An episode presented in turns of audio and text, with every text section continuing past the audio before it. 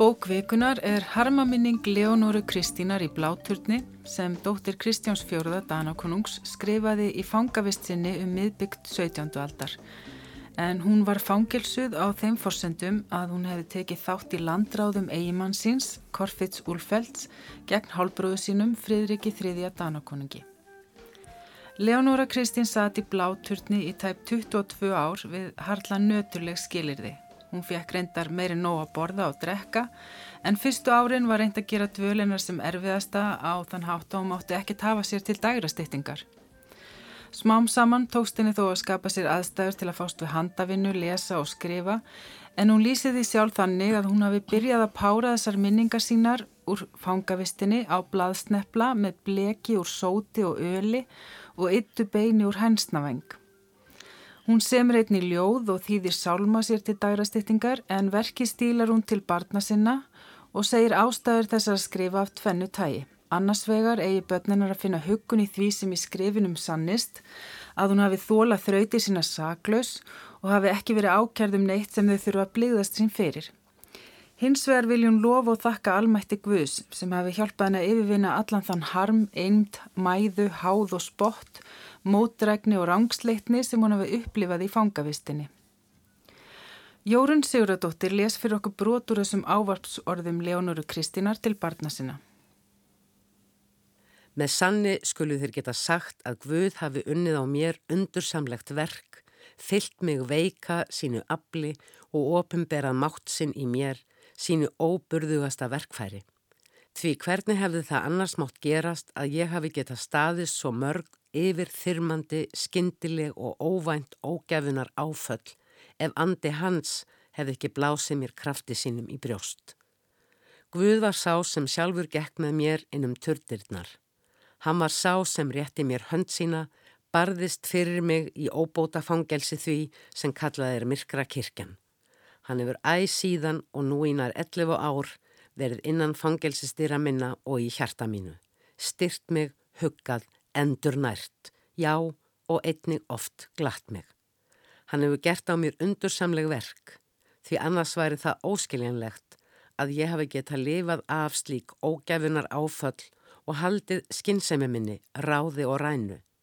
Einnig má undrast á því að limir mínir skulu ekki vera vistnir og kreftir af setu og legu, að sjón mín hafi ekki daprast, já blindast af gráti, reik og svælu og að mér sé ekki orðið andþröngt af stöðugri sót svækju, ódöyni og loftleysi. Guði einum sé lof.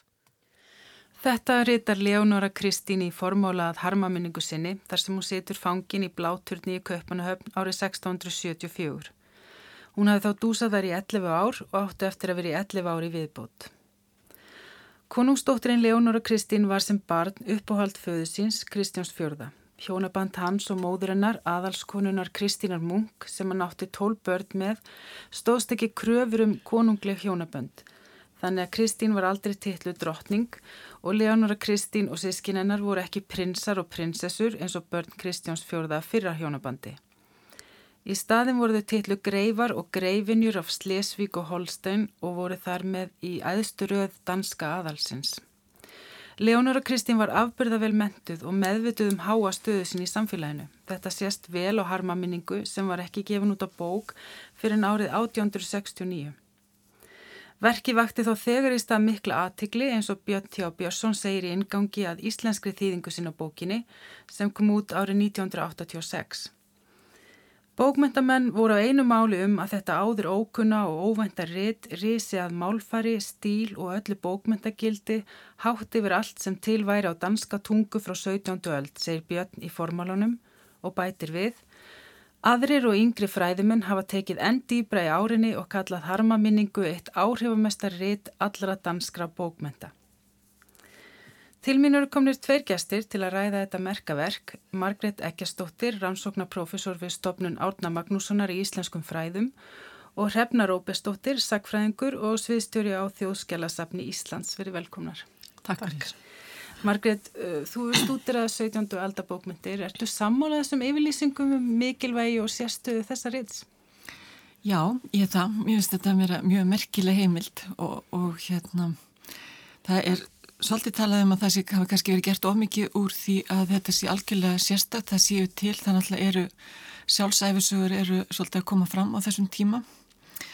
Þannig að þetta er ekki eina eh, sko, en, en þetta er, þetta er sérstakt að það er þarna en semst það eru til fleiri rít sambærileg sem maður má bera saman við. Já. en hérna þetta er náttúrulega mjög heillandi og rífandi lesning. Einmitt. og hvað er það heldur sem gerir það svona sérstakt uh, akkurat þetta? Náttúrulega staða hennar staða Já. hennar sem, sem dóttur Kristjáns Fjörða sítjandi inn í þessum turni í, við þessar að mörgletu umfjölulega aðstæður í, í bláturni en náttúrulega líka þessi þarna hæfilegi hennar til þess kannski að þarna segja sögu sína á mjög lifandi og, og, og glæsilegan hátt og ég, það hefur líka verið bent á það svona setna að hún í rauninni sviðsetur sjálfa sig daldið, hún veit mjög hvað hún er að gera, hún er mjög, ábygglega mjög meðvituð um sig sem eh, sko sögulega personu Já.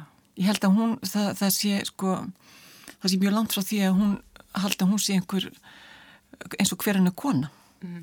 og hún veit líka að þarna að það er ekki bara börnininn og fjölskylda sem þurfa að taka afstöð til hennar heldur kannski þið vitið að, að, að, að hún er ákjær fyrir, þau eru þungara kærur sem að hjónu eru, þau eru sökuð um mjög alvarlega, alvarlega hlutlandráð og hún veit að þarna að síðar í tíma munu felladóm yfir hann og, og hún er virkilega allar að, allar að verja sig og draga upp rétta og góða myndasjálfsir eins og við heyrðum svona aðeins á brotinu áðan þá náttúrulega lýsir hún sjálfur sér sem Guð þess að þetta er á hennar bandi mm. og, og aðstofuna en hún uh, vitnar líka til dæmis uh, markvist í jobbsbók og svona samsama sig jobb þannig að hún er virkilega á markvisanhátt að búa að draga upp ákveðna mynda sjálfur sér.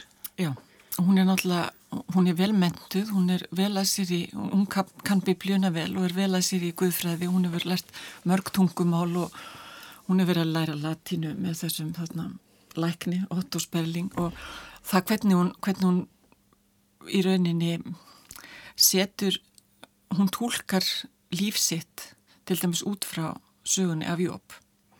Það sýnir þarna hvað hún er meðvituð og lærð að, að hann þjá, þjáning Jóps Jóp var í rauninni réttláttu maður sem þjáðist mikið og var alltaf tekið frá hann. Þannig að hún er í rauninni að gefa lífi sínu og sögu merkingu með þessu.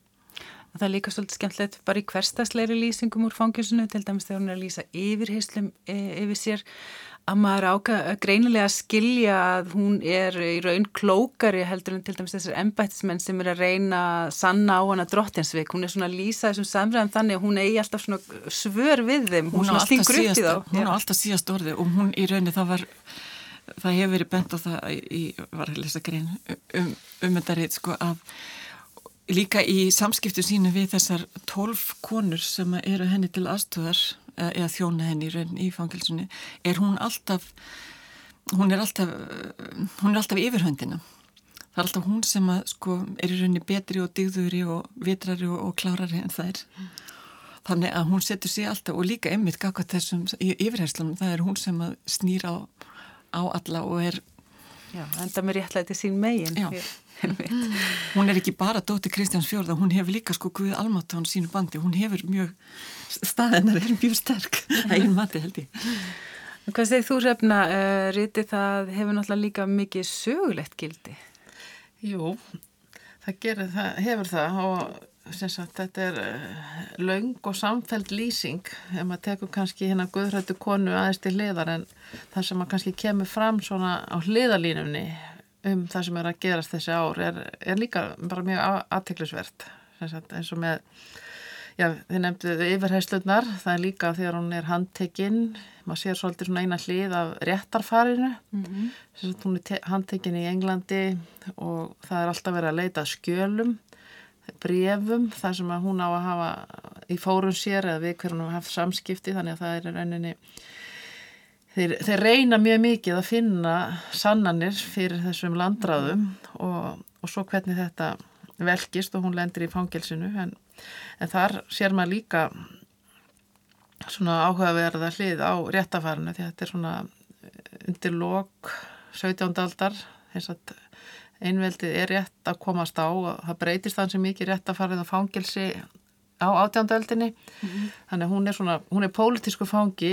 í konunglegum turni og það má kannski segja að fyrir þennan tíma eru aftökum í algengar á svona minni glæpum en þess að það eru þessir pólitísku sem eru settir í fangilsi og hún er þar en þetta er samt að byrja að breytast þannig að það eru ímsér aðrir þarna í fangilsinum og hérna í kjallaranum en hún er ekki þar, hún er hærra uppi og, og maður fer, sér svona í gegnum hennar samskipti við bæði þjónustu konurnar og, og aðra sem er að vinna í turninum og að reyna yfirheirana sem sagt um, tungumálið, hvernig það er, það er danskan og þískan mm -hmm. það, eru, það er háþíska og láþíska og margar á þjónustu konunum hann að tala láþísku og hún tala við þær á því máli. Fyrir utan að hún kann ítalsku, fransku, spansku, ennsku, latínu og allt með tala norðan alpafjalla held ég og hérna og mataræði, það er líka svona áhuga að vera sína mataræði. Já, maður fann mjög nákvæmlega lýsingar á því raunni, eða svona sérstaklega því hvað það fá að drekka, hvernig Já. öl það er gróft öl fyrir þá sem er lærasettur og aðeins betra öl fyrir hana Já, innra hagkerfið í fangilsinu, hvernig þú selur matiðinn og færð annað í staðinn og hver gerir hverjum greiða, þannig að þetta er svona svolítið samfæld sín á innri starfsemi fangilsins. Gefur svona einsinn í mjög margar hluti. Já, já. En árum við höldum lengra, skulum kannski að heyra hvað Páli Valsinni fannst merkilegast við þessa bók, því það var einmitt uh, þessi sögulega hlið. Uh, þetta kom fram í viðtali sem Jórun Siguradóttir tók fyrir Vísjá. Ég held að það hefði nú verið fyrst og fremst sögulega uh, hvað maður segja, sögulegi bakgrunnur þessar bókar sem gerir hana náttúrulega algjörlega einstæða.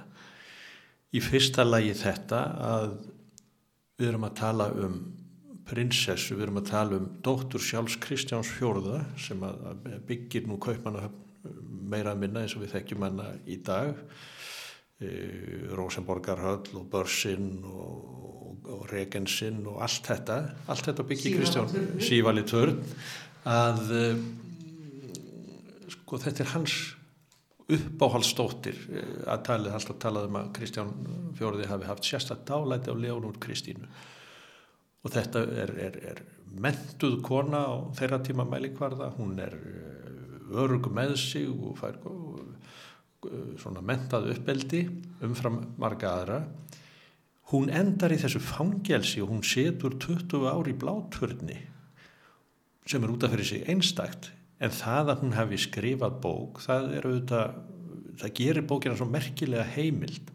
Og nú ber auðvitað að taka fram að það er ekki eins og hún sé einhverju díflissu hún fær mat og hún fær að skrifa og prjóna og annað en hún er enga síður fangi en hún tekur þessu af einhverju sérkennilega svona miklu, ég vil kannski ekki segja jafnaðargeði en samt en æðruleysi æðruleysi feikilegt með að við sko hvaða var hátt flug á henni og, og hennar mjög svo sérkennilega manni, Korfis Úlfeld og það er auðvitað mjög svona áhugaverður vingill.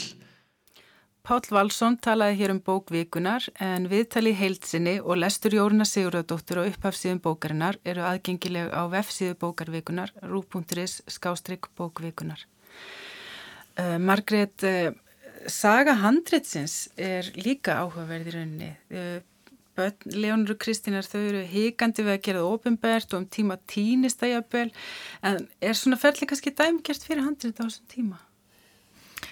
Já, það má nú kannski segja það að það getur mjög margt komið fyrir handrið og þú þvælast einmitt millir landa og millir, millir manna þannig að er frábært að þetta skildi finnast það er líka stórkurslegt maður getur ímyndað sér að við hefðum einhverja, við stæðum líka svolítið spennandi að því að við er margar áhugaverðar konur á Íslanda á 17. öld, hátsettar konur sem maður geti, mm -hmm. maður er alveg til í að, maður er alveg til í að finna handrit að, að hérna þeirra sögu. Já. Nei, semst, það, það hefur verið sínt fram og já, það var einhver ræðum sem sínt árið 1970 fram á að í rauninni er ekki nema þriðji, fyrsti þriðji luti handritsins skrifaður í fangilsun sjálfu. Hitt er sagt, endur unni, hún heldur áfram að endur skrifa og og það er semst, tveir þriðju hlutar eru skrifaði þegar hún er laus úr fangilsunni annar staðar. En hún gerir mjög mikið í því að láta þetta líta út eins og allt sé skrifað í fangilsunni þannig að það er líka hluti af hennar sviðsetning og það er mjög eðlilegt eins og einhver uh, í lasingustar sko að hún auðvitað uh, hún inn í fangilsunni hefur miklu meiri merkingu heldur en einhver kona sem er lausu fangilsi sko. Hún vil, hún vil í rauninni ég meina því veitir, hinn pólitíski fangi sem er lokar inn í, inn í törni hefur þarna miklu þýðinga meiri stöðu heldur en konan sem er laus úr fangilsi. En ég ætlaði bara líka að segja að af því að þegar hún er tekinn hann að 63, þetta er að mér minnir árið sem að Ragnhjóður Brínlórsdóttir deyr. Og maður getur hugsað ef maður ber saman koni eins og Ragnhjóði sem maður var einmitt, það er náttúrulega mjög ung og mjög sérstöksaga, en hún var líka óvinnilega vel mentuð á þeirra tíma mælikvarða, hafði lært latínu og eitthvað svona, og ef maður geti fengið svona smá insinn í hennar hugarheim það væri náttúrulega frábært. Já, eiginlega ómetanlegt náttúrulega. Uh, og Leonor Kristín, hún er náttúrulega að lýsa persónlegum aðstæðin sínum uh, og hún gera það mjög nákvæmlega og það er að gera náttúrulega líka mjög áhugavert eins og kom fram hjá Páli. Þetta með að fallinar eru mjög hátt það er svona frá því að vera meðal þeirra aðstu í samfélaginu og nýður í að vera með, meðal þeirra lægst settu í rauninni kannski réttindarlösra fanga þó hún kannski hafi sérstöð innan fangilsins út af sinu stöðu. En við fáum þess að bæði svona insýn bæði líf aðalsins og líka þeirra sem eru á botni samfélagsins, ekki sett? Jú og sérstaklega finnst mér áhugavert þessar, þessar hliðarsögur tjónustu kvenna hennar einn þeirra hefur verið mikið í Hamburg eh, og talar þessa láþísku og síðan er sagt, eh, veldur maður fyrir sér þetta er vinnan þeirra, þeir eru alveg þokkalega vel launaðar og fyrir það að láta læsa sér inni og að senda börnarnu sínum pening fá að fara út þegar að slottsfókitinn kemur og yfirheirir hana og svo fara það inn aftur. Þannig að vinnan þeirra er að vera lestar í fangilsi og snúast í kringum hana þannig að Já. þetta er svona áhafar einsinn inn í bara og gæta hennar og, ír, og hún svo kemur náttúrulega fram þarna líka Leonora Kristín hefur eitthvað orð á sig fyrir að vera fjölkunnu jafnvel þannig að mm. margar eru hrættar við að vera hjá hennar ekki auðvelt að finna konu sem að þóra að vera læstar inni með henni nei, nei, og það er líka mjög skemmtilegt hvernig hún spilar á það já. hún já, já. á markvistan hátt hún, hún, það, það er, hún reynir að gera þær hrætta við sig að gefa í skinn að hún viti kannski, geti kannski og er, er inn að svolítið gera grína þeim. En hún er nefnilega alltaf að setja sig sko hún, hún er náttúrulega þarna yfirst þetta kona og, og mentaninn það er og já. klárari og, og er, er, er ekkit að, já hún er í rauninni dregur það fram, mjög skýrt. Já, hún hefur svona svolítið taka á þeim alltaf í rauninni. Ég veist það mjög áberandi svona hvernig, hvað hún hefur svona mikla sálfræðilega einsýn eða, eða hún beitir rauninni því mjög markvist í Já. öllum samskiptum og auðvitað er kannski svona loka rými eins og fangelsi þetta, er, þetta eru valdabaráta alveg út í gegn og hún stúdrar aðeins þessar konur, hún segir svona þessi kona var einmitt þess eðlis að hún Já. var hættu þetta hitt, þannig hún veit svona hvað virkar og hvað virkar Já. ekki og fangaverðinir og þessi með líklana og hvernig hún og það, inn í það kemur náttúrulega þessi, þessar, þessi sala á mat og gjöfum kerti við líka og kerti hægt að láta ykkur ná kerti eða en staðinnar staðinnar aðstæðir hann að batna náttúrulega mjög mikið Þa, það, er, það er ólíkt það sem er þarna fyrst og sem verður setna sko Já, maður verður svona slakar mjög á. Hún er komið með klavikort þarna og er farin að syngja og spila. Og fær, fær heilmikinn pening. Já, og svo er handavinnan sem og alltaf. Ja. Já, og sigur. Já, já, en svo er það uh, allar pólitískur hæringarnar, það sem að náttúrulega Leonára Kristín og maðurinn hennar Korfitz Úlfeld, þau tóku mikið þátt í pólitíkinu á sínum tíma og við fáum svolítið baktjálta upplýsingar um þær, það er svolítið skemmtilega einsinn líka þar. Mm -hmm. Ég held að þar kannski er hún að koma inn með sína hlið á sögunni mm -hmm. og kannski hvað sterkast því að hún er að réttlæta það að, eða sína fram á það að þau hafi ekki verið landröða fólk. En, en um, maðurnennar er þá þarna uh, bara einn aðsti maður í ríkinu fyrir utan konungin og síðan fellur hann alveg niður með þegar hálbróðurinnar verður konungur. Þannig að þetta er svona risafall valdamanna. En hann er líka með rosalega sambund í útlöndum já, já. við aðhalsmenn í öðrum löndum Mhm. þannig að hann er náttúrulega já, fulltrúið þess að há aðhals sem að er þrengt að með einveldun ekki satt. Mér hefur svona sínist svolítið að Korfits úrfeld sé svolítið kannski að dönum finnist hann almennt að verið svolítið svona lottari eða svona svolítið föðurlandsvikar í rauninni. hann Eh, tefli mjög djart Já, hann gerir það og hérna og innganginum þá er Björn T. Björnsson svolítið að kannski beri bætiflóka fyrir hann eða hann er líka svona benda kannski að kenningur um að hann verið veikur eða hann er svona að reyna að finna kannski skýringar mm. en uh, og hann kannski samþekja svolítið yfirlýsingar Leónu Kristínar um, uh, um að svona hvernig uh, að þetta hef ekki allt verið, þau hafi ekki verið fyrirlagsvikarar, finnst mér. En hvernig svona kemur hann ykkur fyrir sjóni sem persóna, hann er náttúrulega mjög svona sérstakur karakter, Korfits Úlfeld það er svolítið erfitt að svara því að maður sér hann náttúrulega bara í gegnum eiginkonuna sem er þarna mjög trú og, og trygg og, og stendur algjörlega með honum í, í, allavega í þessu ríti Einmitt. en hérna já, hvað segir þú hrefna? Já, mér finnst það svona kemur mér fólkið fyrir sjónu svona sem mjög hátt settu valdamaður sem að hefur bara mjög mikið að segja og hvað gerist þegar valda hlutföllin snúast. Og þannig að maður sér hann meira í fallinu. Já, og þannig að maður kynnist honum ekki mjög mikið en, en hann er svona mjög áræða mikil aukapersón í bókinni Já. og einhvern veginn undirlíkjandi og allt um kring og Mér fannst sko þe- þe- þessi þetta með sjúkdóminn hann hefði þjást af sífilis á þrjasti, mér fannst þetta sko mjög samfærandi og geti útskýrt eitthvað hans hegðun og þarna ástand. Sem undir lokinur orðin hans er svona óröggrétt kannski Já, hann er farin að, að þarna, sko hann, domgrind hans hefur greinlega ekki alltaf verið upp á það besta og það er eiginlega það sem verður þeim að falli. En það er hún sem að tekur þarna aflegginga, afleggingunum í rauninni miklu, já, já, hann, hann flýr náttúrulega og deyr, það er ekki Já, einmitt, á meðan hún er í fangessinu mm. en hann er svona kannski pólitískur refur sem er vanur að reyna að komast áfram á klækjum en síðan verður það erfiðar og erfiðar hann svona, já, flækist meir og meir í, í svona mjög furðulegar furðulegar ráðabrugg. Um, En þau eru náttúrulega mjög nálægt sko krúnunni, þau eru náttúrulega mjög nálægt því að geta þið veitir, það er þarna það er kannski ekkit, ekkit alveg óriðsett að þau þarna hefðu geta náð völdum sko, Já, ég meina það, það má heldur ekki gleyma því að þau, þau standa það er mjög stutt skref.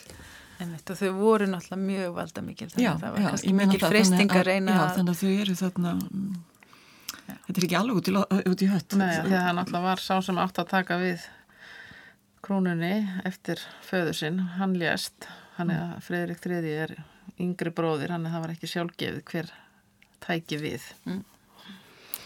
En þarna til dæmis þá kemur ingangu Björsti og Björnssonar miklu gagni fyrir nútíma lesenda því að það er greinlega mjög flókin pólitík í gangi og uh, mikil val, valdabarta og baktjaldama og það er líka svona um, margar personur, hún gerir svolítið ráð fyrir því að lesendur viti um hvað hann er að tala, þeir séu svolítið inn í öllum þessum hræringum og viti um hvað við erum að tala þannig að þarna er þetta mjög gott að hafa svona ingang í rauninu og kannski bara nöðsilegt fyrir nútíma lesendur. hann er fín Já, algjörlega og skýringarnar er bara marga mjög góðar líka Já, það er svona aftamálskýringar. aftamálskýringarnar sko hjá byrni og hann setur þetta í samhengi en hann er augljóslega mjög mikil fylgismæður Leonur Kristínu, það Hann er ekki milli mála heillar af henni Já, hann dái staðinni. Uh, en mér langar líka að nefna að það eru mjög marga skemmtilega myndir í þessari þýðingu. Uh, það eru málverk af Leonoru og af Korfits og fleira fólki og Kaupmannhöfn og Bláturni og mér finnst þetta að gera svolítið mikið fyrir bókinu. Það er svona áhugavert að líka myndateksta sem segja mislegt. Er það samanlega mér í því að þetta svona skiptir máli líka?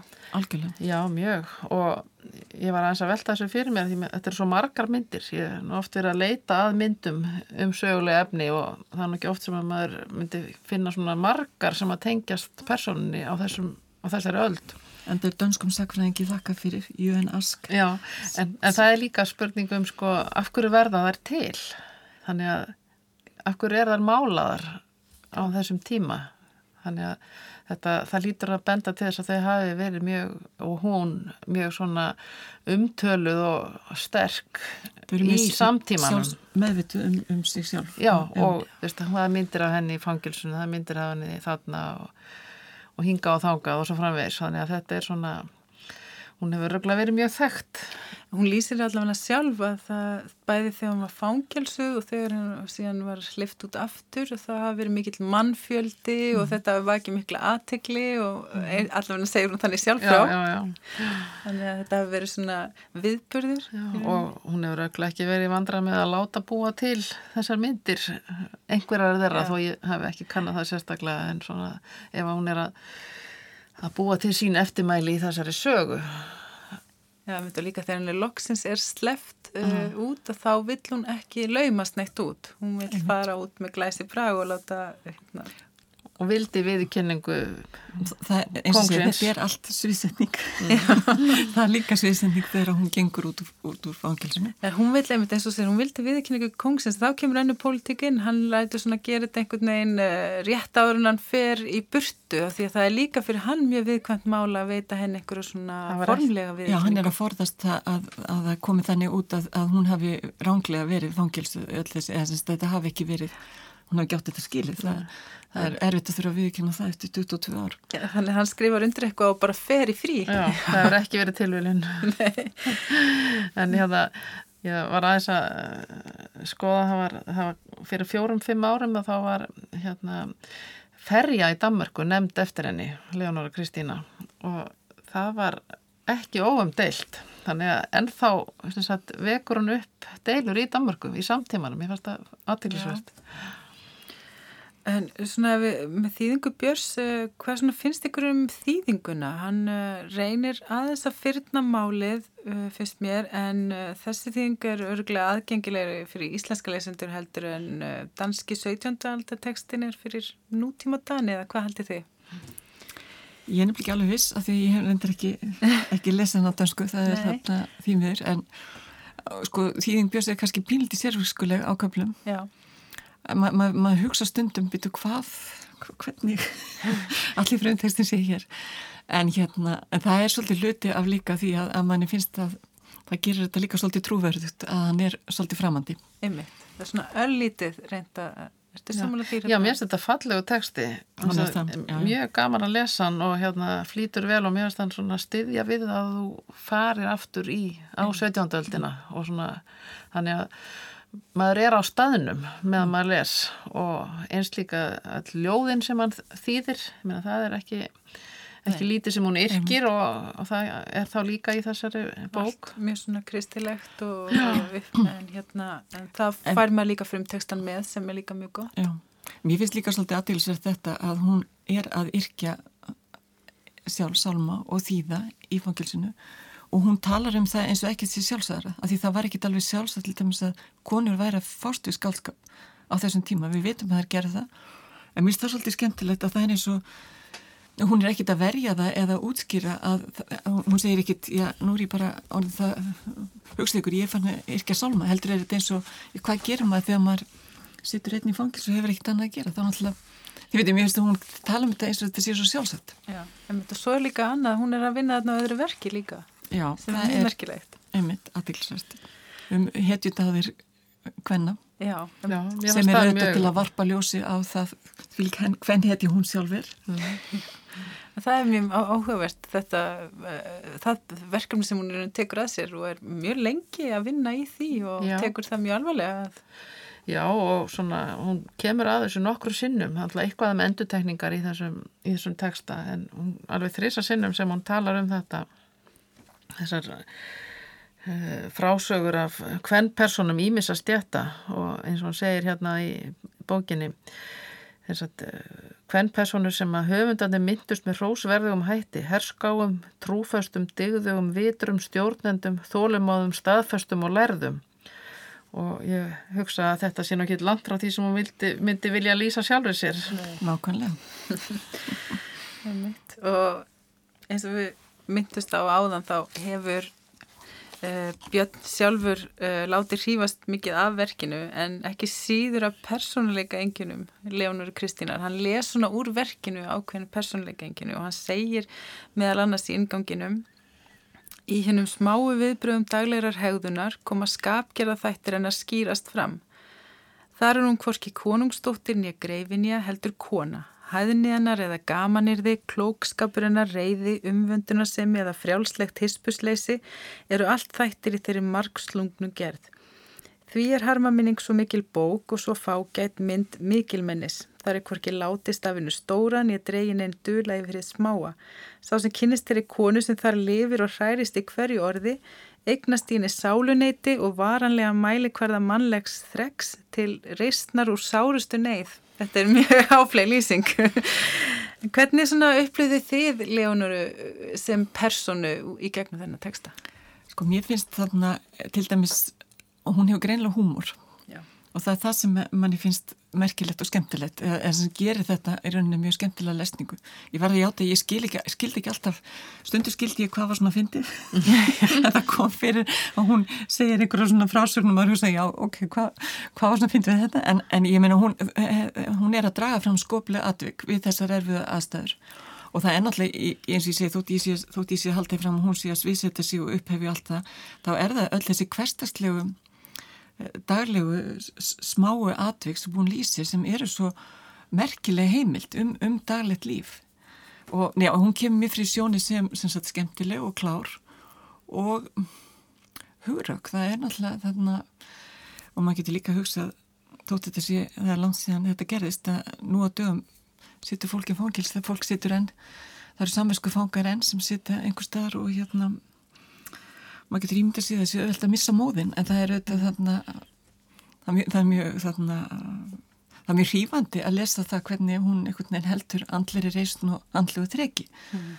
það er jáfnveil þótt að hún hefur heimskriðað þetta eftir hún er komin út á fangilsum þá er það samt mjög hérna, eins og ég segi hrífandi. Og hún er svona vissuleiti maður skilja nú einhverja svona uh, þú segir tala um sviðstetningum maður sér það nú mjög greinlega en hún líka lýsi því kannski hún leggst í rúmi þarna eh, eftir að, svona fyrst eftir hún er lögð inn og hún neytar að borða, hún fer ansið langt niður Já. en svo tólkar hún alltaf þannig að hún hafi fengið einhvers konar styrkrokuði til að rýsa upp aftur en hún svona lýsir þessu kannski mann, maður trúir svona því sem hún er að lýsa, hún sé að lýsa nokkuð svona raunsett því sem er þá hún tólkiða náttúrulega sér í vil mm -hmm. En hvernig upplýðið þú hana sem personu hrefna?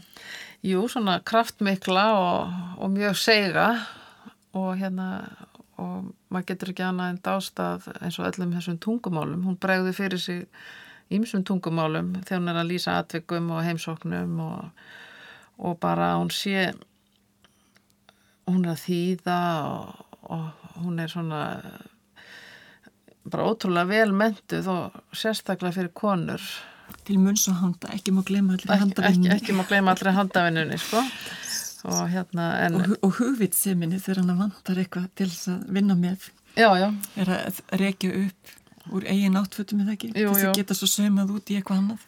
Finna litla pinna til að búa til einhver svona tól til að já. gera handavinnu. Ég, má, ég veit nú ekki hvað hva tólit eru en þetta er einhver búa fín tæki sem hún býr til. En, en svo náttúrulega setni hluta vistarinnar er hún bara með fjárvitingu og kaupir okay. það sem hún vill og, og kannski svona þetta daglega líf hennar verður svona uh, betra og þegar hún er komið með silki ormana frá drotningunni það er líka já, já. nýttið því setti dagra stýttingar og hún er með og þess að framlega silki þrátt og hún er með hund mm. og bækur og skrifar og, og tímabilur um íslenska hund eða ekki já, já. það var eitthvað, eitthvað svo leið sko en, en þetta er hérna en svona, ef maður tekur þetta svona eh, sögulega þá er er það svona umhverfið og samengi í kringum þessa sögu sem að mér finnst svona áhugaverðast fá mynd af henni og já, já, en svona en þetta svona líka, getur maður maður líka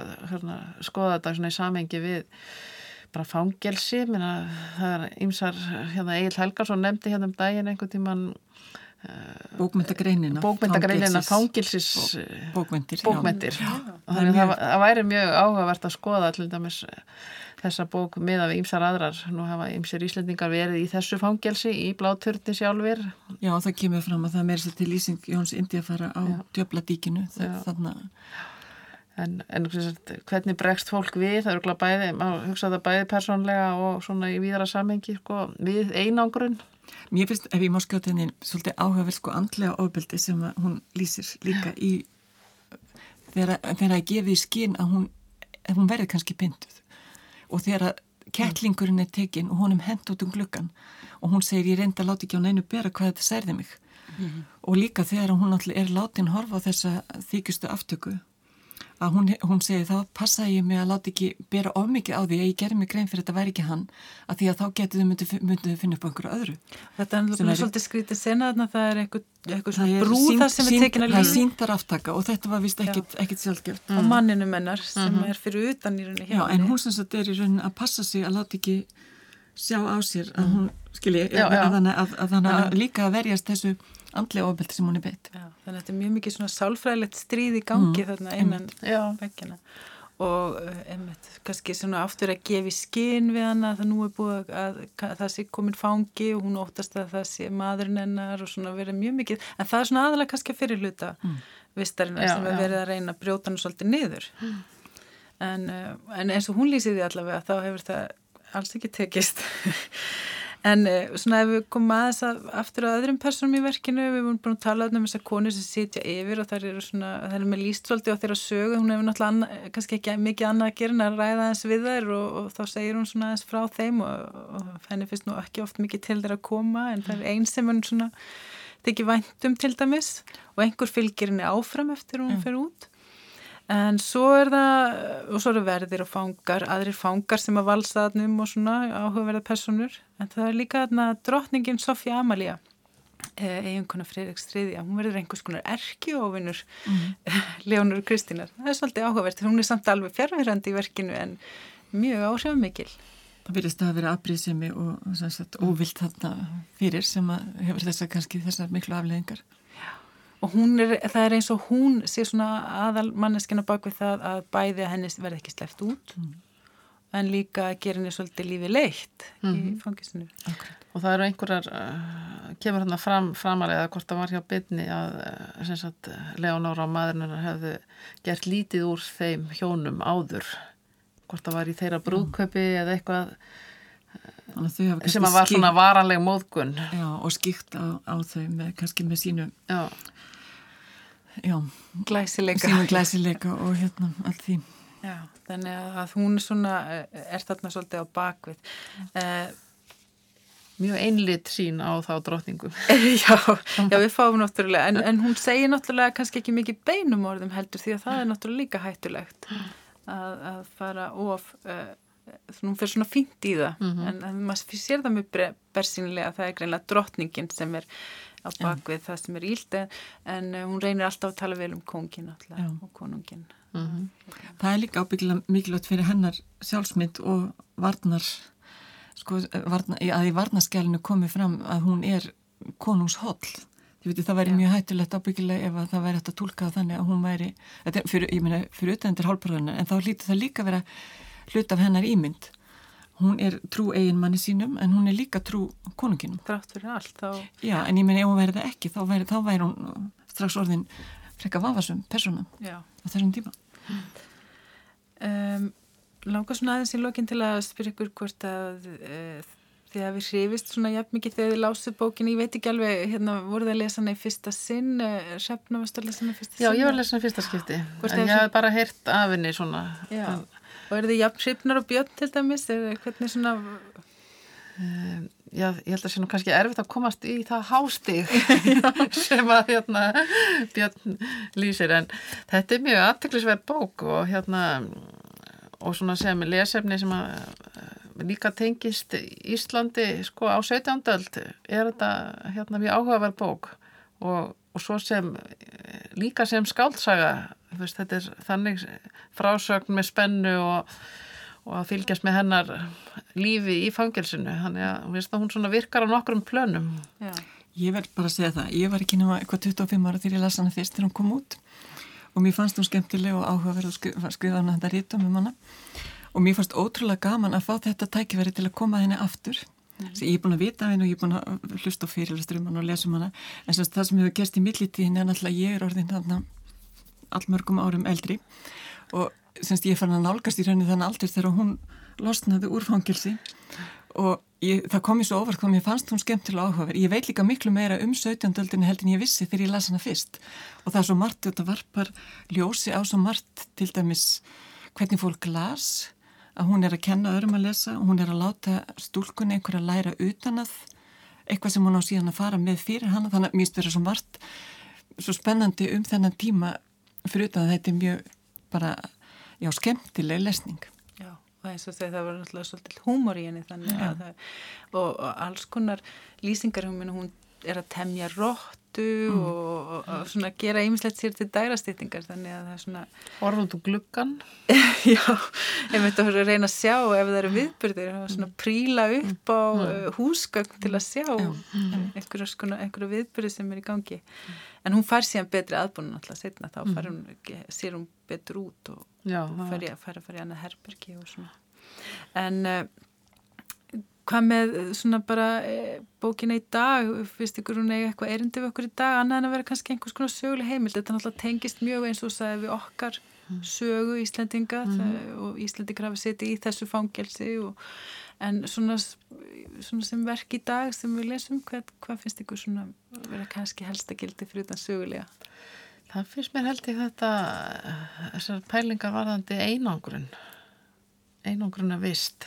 Já þetta, þetta er svona kannski svolítið samanlegt og óhá tíma og hérna já, hvað áhrif hefur þetta á fólk og hvernig bregst það við og svo framvegis það, það er kannski það sem er erfiðast í tími fyrir hann er í byrjun þegar hún má ekkert gera mm. og það, maður sér hvað yðurleysið mm. hefur mm. mikil áhrif á hann þetta með ekki, ekki, ekki eins og stund að handafinu mm -hmm.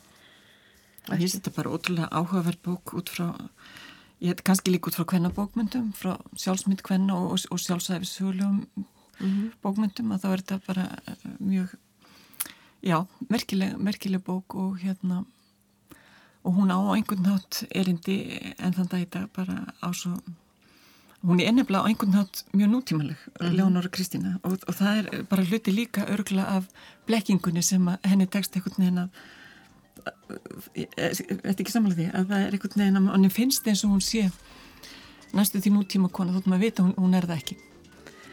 Já og þar með líkur bókvikunar Hrefna Rópersdóttir og Margret Eggersdóttir kæra þakki fyrir að kominga í dag og ræða við mjög um bókina Harmaminningu eftir Leónuru Kristínu Úlfeld í þýðingu Björns T. Björnssonar. Og kæra þakki til ykkar hlustendur fyrir að fylgjast með. Verið sæl